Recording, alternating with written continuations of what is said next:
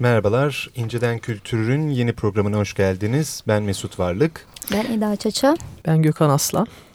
Ee, geçtiğimiz programda İnceden Kültür'ün ilk programında e, genel olarak belirli bir takım konular üzerinden şöyle bir yolculuk yapmıştık aslında. Bundan sonraki programlarımızda aşağı yukarı e, birer konu olarak, konu başlığı olarak almayı planladığımız bazı e, noktaları noktaların üzerinden şöyle bir geçmiştik. Şimdi e, geçtiğimiz programda özellikle müzik arasından sonraki ikinci kısımda zaman e, kısıtlaması nedeniyle ayrıntısına giremediğimiz e, hala içimizde kalan noktaları olan bir takım mevzular vardı. Bu bölümde de onları onlar üzerinden devam etmeyi planlıyoruz. Ee, evet yani bu maksatta ilerlemeye karar verdiğimizde benim ilk aklıma gelen geçen programda konuşamadığımız ve eksik kaldığını düşündüğüm direniş konusuydu. Aslında kültürel incelemelerde direnişi tartışmak onun nasıl şekillendiğine ve nerede durduğuna da ışık tutuyor. Bu e, ikinci sayıda yayınlanacak Ferda Keskin, Mahmut Mutfan ve Bülent Soma'yla yaptığımız kül toplantılarında kültürün bir direnme mekanizması olarak incelenmesine imkan tanıdığından söz açılmıştı. Biraz buraya e, değinmek istiyorum. E, buna imkan tanıyan en önemli özelliklerden birinin sosyal bilimlerin göz evrensellikleri değil de yerellikleri dikkate alması olduğunu söyleyebiliriz. Bunun yanı sıra e, ilk programda da özellikle üzerinde durduğumuz ve söz söyleyenin söze egemen olanın ya da olduğunu sananın sözünü sorunsallaştırmaya başlaması var. Örnekse toplumsal cinsiyet tartışmaları, oryantalizm ya da queer'i gösterebiliriz. Ben burada böyle karşılaştırmalı bir şey e, yapılabilir mi bilmiyorum ama e, sosyal bilimlerle doğa bilimleri e, karşılıklı üzerinden konuşursak belki e, biraz daha zihin açıcı olabilir. Çünkü farklar e, aslında biraz şey yapar, e, konuyu açar diye düşünüyorum. E, mesela e, Terry Eagleton'ın bir Guardian'da yazısı var. E, The Death of Universities, üniversitelerin ölümü, bitimi ne dair. Orada e, şöyle bir şeyden bahsediyor. Gittikçe e, üniversitelerin piyasa odaklı ve daha çok da statükonun e, e, hizmetçisi olarak e, şekillenmeye başladığını söylüyor. Ve burada bunu e, nereye bağlıyor? Humanities bölümlerinin kapanmasına. Yani bir karşılık yapmış aslında. Ne demek yani? Aslında üniversiteler artık e, direnişin olduğu alanlar. Yani statükoya karşı da durabilecek yerler değil. Çünkü e, e, işte humanities bölümleri de kapanıyor e, demek istiyor. Burada şey düşündüm tabii yani hmm, doğa bilimlerinde direniş söz konusu değil mi? Ve e, bir direniş noktası olarak bir karşıtlık söz konusu mu burada? Kültürel incelemelerde diğer taraf olarak düşünürsek tabii. Aslında bunu e, ilkin şöyle tartışabilir miyiz diye düşündüm. Geçen bölümde e, Mesut işte söylemişti kurumsallaşması e, kültürel incelemelerin kurumsallaşması kurumsallaştı mı? Umarım kurumsallaşmaz diye e, bir şey olmuştu aramızda. Bu direnişin de ve senin Gökhan söylediğin gibi yani bunun e, beşeri bilimlerde ve e, şeylerde yani e, diğer bilimlerdeki direniş pozitif meselesinin bilimlerde. pozitif bilimlerdeki direniş meselesinin karşılaştırdığımızda aslında orada daha az görüyoruz çünkü kurumsallaşmanın bunda bir etkisi oldu. Böyle diyebilir miyiz? Ya da diğer taraftan e, kültürel incelemeler kurumsallaşmadı mı gerçekten? Ya da belli yerlerde e, Amerika'da ya da Avrupa'nın bazı bölgelerinde kurumsallaştığını söyleyebiliriz ama e, mesela Doğu Avrupa'da daha henüz yerleşmediğini de söylemek mümkün. Yani kurumsallaşma üzerinden bu direniş meselesini ve bilimlerin direnişe olan yani daha doğrusu içerisinde böyle bir sayık böyle bir imkan e, taşıyıp taşımadığı meselesini nasıl e, konuşabiliriz yani hani. Tabii orada aslında e, şöyle de bir nokta var zannediyorum. Pardon. Kurumsallaşma dediğimiz e, şeyin aslında nasıl gerçekleşebildiğini, nasıl mümkün olabildiğini baktığımızda bir e, şeyin, bir disiplinin sosyoloji, psikoloji, tarih vesaire her neyse bunun adı. Bir disiplinin kurumsallaşmasından kastımız e, çok amiyane tabiriyle akademinin içerisinde o disiplinin kendi ekmeğini çıkarabilmesi demektir. Yani herhangi bir üniversiteye dışarıdan ya da içeriden o bölümün ayakta durabilmesi için e, artık dışarıdan para gelmesine, e, oradaki hocaların, araştırmaların vesairelerin yapılması için belli bir yatırımın dışarıdan yapılmasına şart olmaksızın o bölümün kendi kendine bir şekilde e, şeyini e, ihtiyacını karşılamaya başlayabiliyor olması. Tabii ki örneğin tarih bölümünde e, vesaire gibi sosyal bilim alanlarında bu gibi kendini geçindirebilmek e, derdi çok da e, mümkün olamayabiliyor.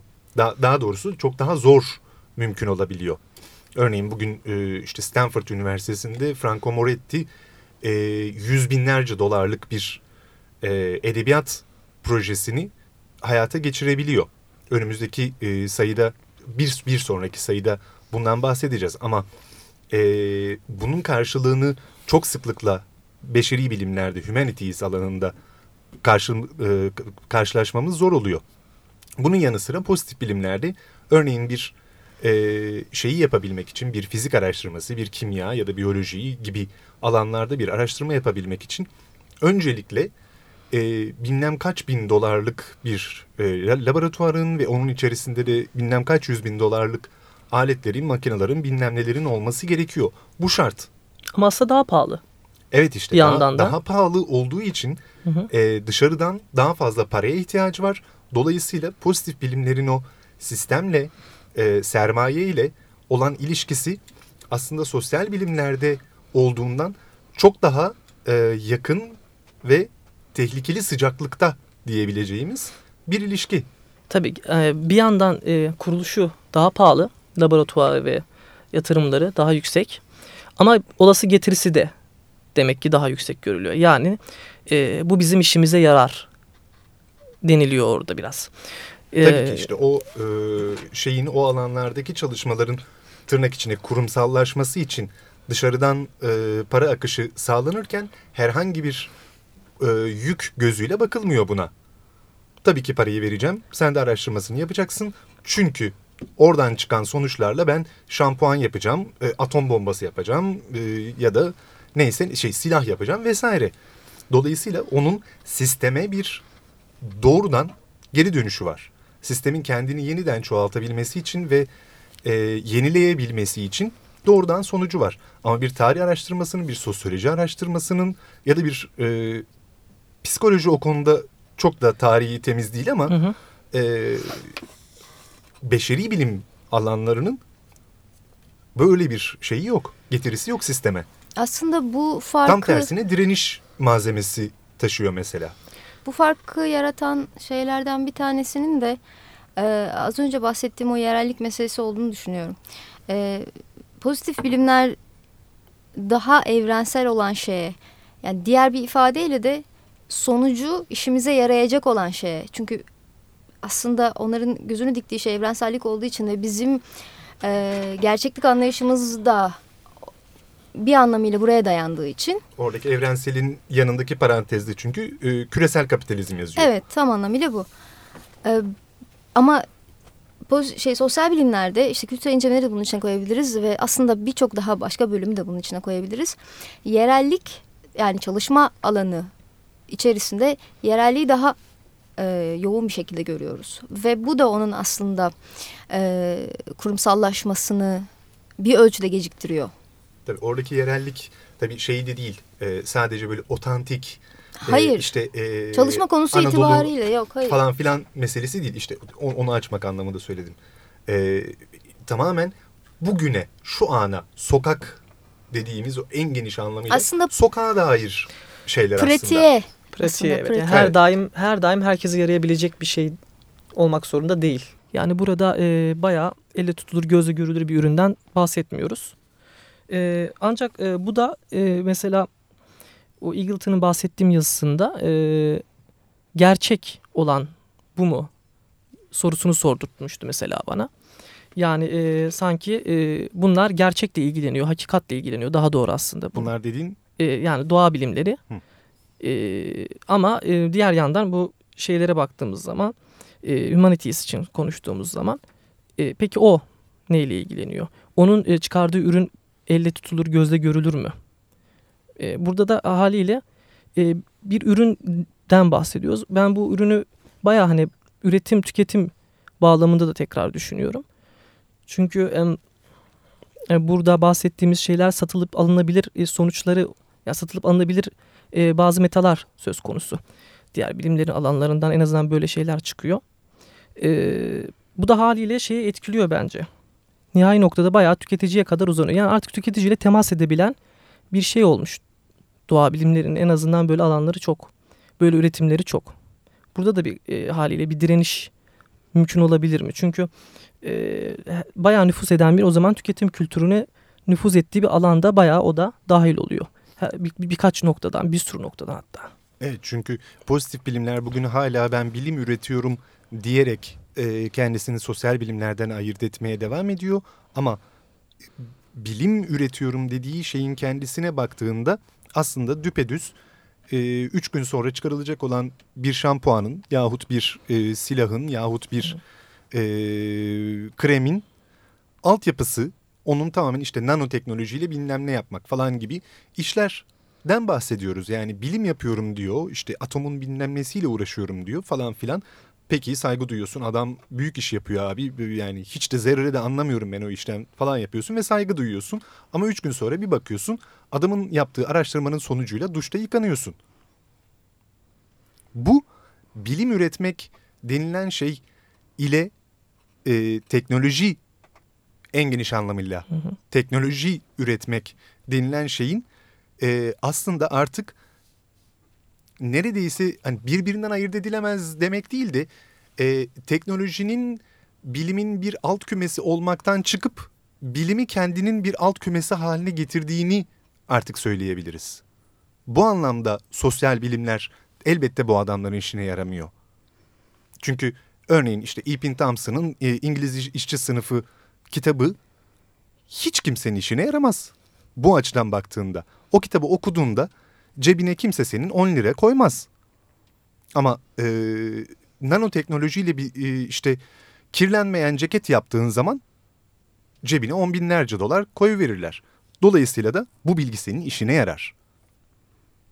Ama orada da işte kaybedilen bir nokta var ki zaten lafın başında oradan e, çıkmıştık. Artık sen tamamen sistemin çoğalması için çalışıyorsundur nokta. Evet yani direniş de tam aslında e, hep konuştuk aramızda. Yani e, kapitalizme, e, atıyorum sosyalizme e, ve bir takım sistemlere direniş değil. Aslında e, var olan sistem o her neyse onu çoğaltmayan şeye karşı yapılanmış o yapıya karşı bir direniş. Yani daha özgür ve daha geniş bir alan, bir yaşam alanı açmaya dair bir e, çaba aslında direnişten kastettiğimiz. Evet yani direnişin kendisi her ne olursa olsun iyi bir şeydir demek gibi bir genelleme yapa, yapamayacağımızı o zaman küçük bir e, müzik arasından sonra e, tartışmaya konuşmaya devam edelim.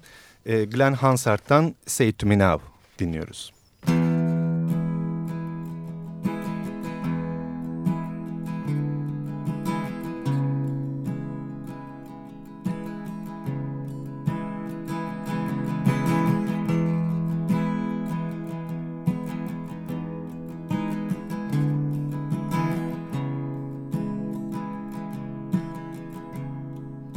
Scratching at the surface now. And I'm trying hard to work it out. And so much has gone misunderstood. And this mystery only leads to doubt. And I didn't understand. When you reach down and take my hand. And if you have something to say, you better say it now.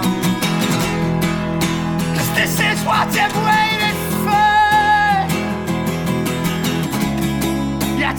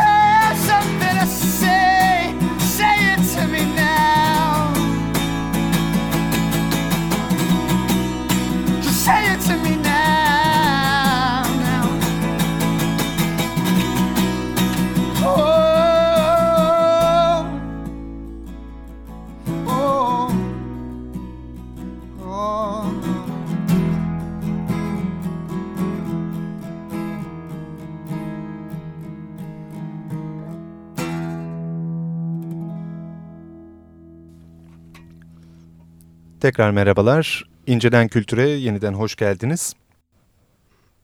Müzik arasından hemen önce direniş meselesine gelmiştik. Tabi burada e, iyi direniş, kötü direniş gibi e, aslında şey tamamen e, konuyla çok da bağlantılı, haklı olarak bağlantılı olmayan bir e, açıdan girmiştim ama e, örneğin bir pozitif bilimlerdeki bu eleştirdiğimiz kendi alanına kapanma ve kendi içerisinde üretimini yapmaya devam etme ve hiçbir şekilde sosyal bilimlerle herhangi bir alışverişe girmeme e, hali de aslında bir tür direniş. Direnişin kendisi. Dolayısıyla e, zannediyorum bizim burada kastetmeye çalıştığımız, altını çizmeye çalıştığımız şey direniş her haliyle iyi bir şeydir yahut e, onaylanacak bir şeydir demek değil. Çünkü pozitif bilimlerdeki bu direnme hali bu kendi içerisinde kapalı bilgisini üretmeye devam eden ve onun dışındakileri de e, bir anlamda hakir gören halde muhafazakar anlamda bir direniştir. Ancak sosyal bilimlerde özellikle tarih ve sosyolojide e, son 30-40 hatta 50-60 yıldır e, yani 60'lardan bugüne diyebiliriz aslında rahatlıkla 60'lardan bugüne e, örneğin tarih alanında resmi tarihin e, hükümranlığının kırılması bu aşağıdan tarih dediğimiz e, akımla birlikte başlayan bununla birlikte sosyal tarihte ve sosyolojide bu gündelik hayat sosyolojisiyle vesaireyle sokağın e, sesinin bir anlamda tarih kitaplarında kendisini bulması sağlanabildi. Ve böylece de evet kardeşim sen bir takım anlaşmalar vesaireler yaparak tarihi yazdığını, tarihi büyük adamların yaptığını şimdiye kadar binlerce yıldır söyledin ve fakat senin onu yapmanı sağlayan altyapıyı nasıl bir sosyal arka planın gerçekleştirdiğini ve bugün senin yönlendirmekte olduğun sosyal planın, sosyal yapının yarın nelere e, şey yapabileceğini, ne gibi sonuçlar getirebileceğini yarını bilemiyoruz ama dünün üzerinden bir siyaset üretilebilir. Dolayısıyla orada e, özgürlük alanını genişletme anlamında, sokaktaki özgürlüğün alanının genişletilmesi anlamında sosyal bilimler çok ciddi çabalar sarf ediyor. Ama e, bu, bu da işte altını çizmeye çalıştığımız direniş mantığı. Bu mantıkta bir fizikçiyle, bir edebiyatçı, bir tarihçiyle, bir e, biyolog oturup aynı masada konuşabilir artık. Konuşabiliyor olmalı en azından. Ben burada tabii örneğin bir fizikçinin de e, kendice e, bilimsel üretimi var orada. Bu bilimsel üretimine dair de bir siyasi e, duruşu olması gerekir mi diye soruyorum. Yani bu şu demek. E, diyelim ki bir kültürel incelemeler e, eseri yarattığımız zaman bu eserin e, bir duruşu var, siyasi duruşu var. Elbette bir şeyden, e, fizikçiden e, bas, ya, yaptığı bu atom diyelim ki atom çalışması yapıyor. Atom fizikçisi. E, bununla ilgili bir şey beklemek, bunu e, siyasete dahil etmek zor ama yaptığı işin sonuçlarının siyasi olduğunu bilmesi, yani siyasi sonuçları ol, olacağını, toplumu etkileyeceğini bilmesi gerekiyor. Burada da bir e, siyasi sorumluluk diyelim ki var ya da siyasi bir duruş bekle, bekliyorum. Orada bir direniş gösterebiliyorsa bizzat eyleminin kendisi de bir direniş gösterebilir mi diye soruyorum. Sadece siyasetten ve her türlü tırnak içerisinde insani olandan arındırılmış bir bilimsel alan belki e, tutarlılık sağlıyor. Bilimsel tutarlılık önemlidir çünkü metodoloji açısından. Ama onun dışında o üretim bittikten sonraki her şey siyasi ama. Diyelim ki bir en basit örnek tabii ki atom bombası ise evet. Atom bombasının üretim süreci belki çok steril olabilir, olması da gerekir. Ama üretim bittikten sonra onun kullanımına dair her şey çok siyasi. Burada da o bir, o çalışmada bizzat görev alan fizikçinin bir duruşu olması herhalde gerekiyor. Bir direniş varsa mesela orada bir direniş söz konusu olabilir, olmalıdır ya da diye düşünüyorum. Benim Ama, bir burada parantez açısım tabii. geldi. Şey çünkü geliyor. Atom bombası deyince de hep o aklıma geliyor. Bu e, antipsikiyatri de aslında buna dahil değil mi? E, aslında insani olan bir şeyi toplumsal olanla, siyasi olanla, politik olanla e, ayırt etmenin imkansızlığını na işaret etmişlerdir. Hani senin az önce söylediğin şey de o. Yani e, atom bombası da insani bir şey değil mi? Yani Elbette. E, dolayısıyla e, doğa bilimlerinde ortaya konan herhangi bir eserinde e, maddi ve işte sadece bir materyalden ibaret olmadığını artık biliyoruz. İşte 60'larda antipsikiyatride de yani bir insanı değerlendirirken onu sistematize ederken hani bütün o yaşam şeyiyle yani toplumsal ve siyasi ve e, işte ekonomik durumundan arındırılıp ona bir teşhis konamayacağını e, öğrenmiş olduk biraz da yani. Evet, Tam da bu yani aslında kastettiğimiz. Bu alışverişi görüp oraya bir şey söylemek. Ama bu alışverişi kestiğin andan itibaren oraya bir şey söylemek imkansız hale geliyor. Tabii orada kendi iş değerlendirmelerini belki performans kriterleri üzerinden yapabiliyorlar. Bu da bir şirketteki gibi olabilir. Çok sayısal olur. Yani biz ne kadar atıf alıyoruz? En fazla bu kadar mı eleştiri yapacak? Yani atıf üzerinden bir eleştiri yapılacaksa mesela o da çok e, bayağı sürecin kendi içerisinde bir bayağı bir departmanın kendi e, çalışanlarını performans kriterleri üzerinden denetlemesi gibi olur ki atıf indeksleri aslında biraz bu hale dönüşmüş durumda. E, mesela m, uluslararası atıf indeksleri var. E, bunlar e, o yüzden e, impact, impact faktörü denilen işte etki değeri ölçüyorlar. Nedir bu? E, siz, sizin yaptığınız, yazdığınız makale ne kadar atıf alıyor? Bir dergi içerisinde o derginin prestijli olmasını sağlayan da ortalama olarak herhangi bir makalenizin ortalama atıf miktarı ne kadardır yıllık? Baktığınız zaman mesela şu an son 10 yıllık süreçte baktığınız zaman en yükseklerde işte Nature, Science gibi ilk 10'da bu gibi dergiler var. Bir sosyal bilimler şeyi görmüyoruz. Dergisi görmüyoruz. Ülke olarak baktığımızda işte son 10 yıllık diyelim ki 99-2009 arasında bu Thomson Reuters'ın verdiği bir veriler ki onlar çünkü bu konularda çalışmalar yapıyorlar. E, ülke olarak baktığında en üstte e, Amerika'yı, Almanya'yı, Japonya'yı, İngiltere'yi falan görüyoruz. İlk 5, ilk 4'te. E, bu şaşırtıcı mı? Niye de, neden? Çünkü biraz önce bahsettik. E, bir küreselleşme, kapitalizm dedik. Ülkelere bakıyoruz. Çok örtüşecek derecede G8 ülkeleri. Yani ve bu da atıf indeksleriyle çok güzel de örtüşüyor. Bu tesadüfi mi? Sorusunu sormamız gerekiyor. E, bu noktada bence ne kadar işte o zaman direniş olur ki sistemin aslında tekrarı tekrarı sağlanmış oluyor, tekrar edilmiş oluyor orada. Bayağı bir uyum var ee, yani belki sistemi ne kadar başarıyla çoğaltırsan o da seni o kadar başarıyla tabii, destekliyor. Kendi içerisinde bu başarını kapalı, destekliyor. Tabii kapalı devre bir performans değerlendirmesi gibi bir şey.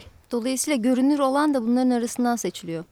Yani e, bugün mesela üniversiteye yeni başlamış bir öğrenci de belli konularda araştırma yap, yaparken e, bunlara baz alıp yani daha doğrusu görünür olana önce ulaşıyor. Almanya'dan işte Amerika'dan e, yapı, çıkmış araştırmalara bakıyor. Dolayısıyla bu kendi içine kapalı bir sistem haline geliyor.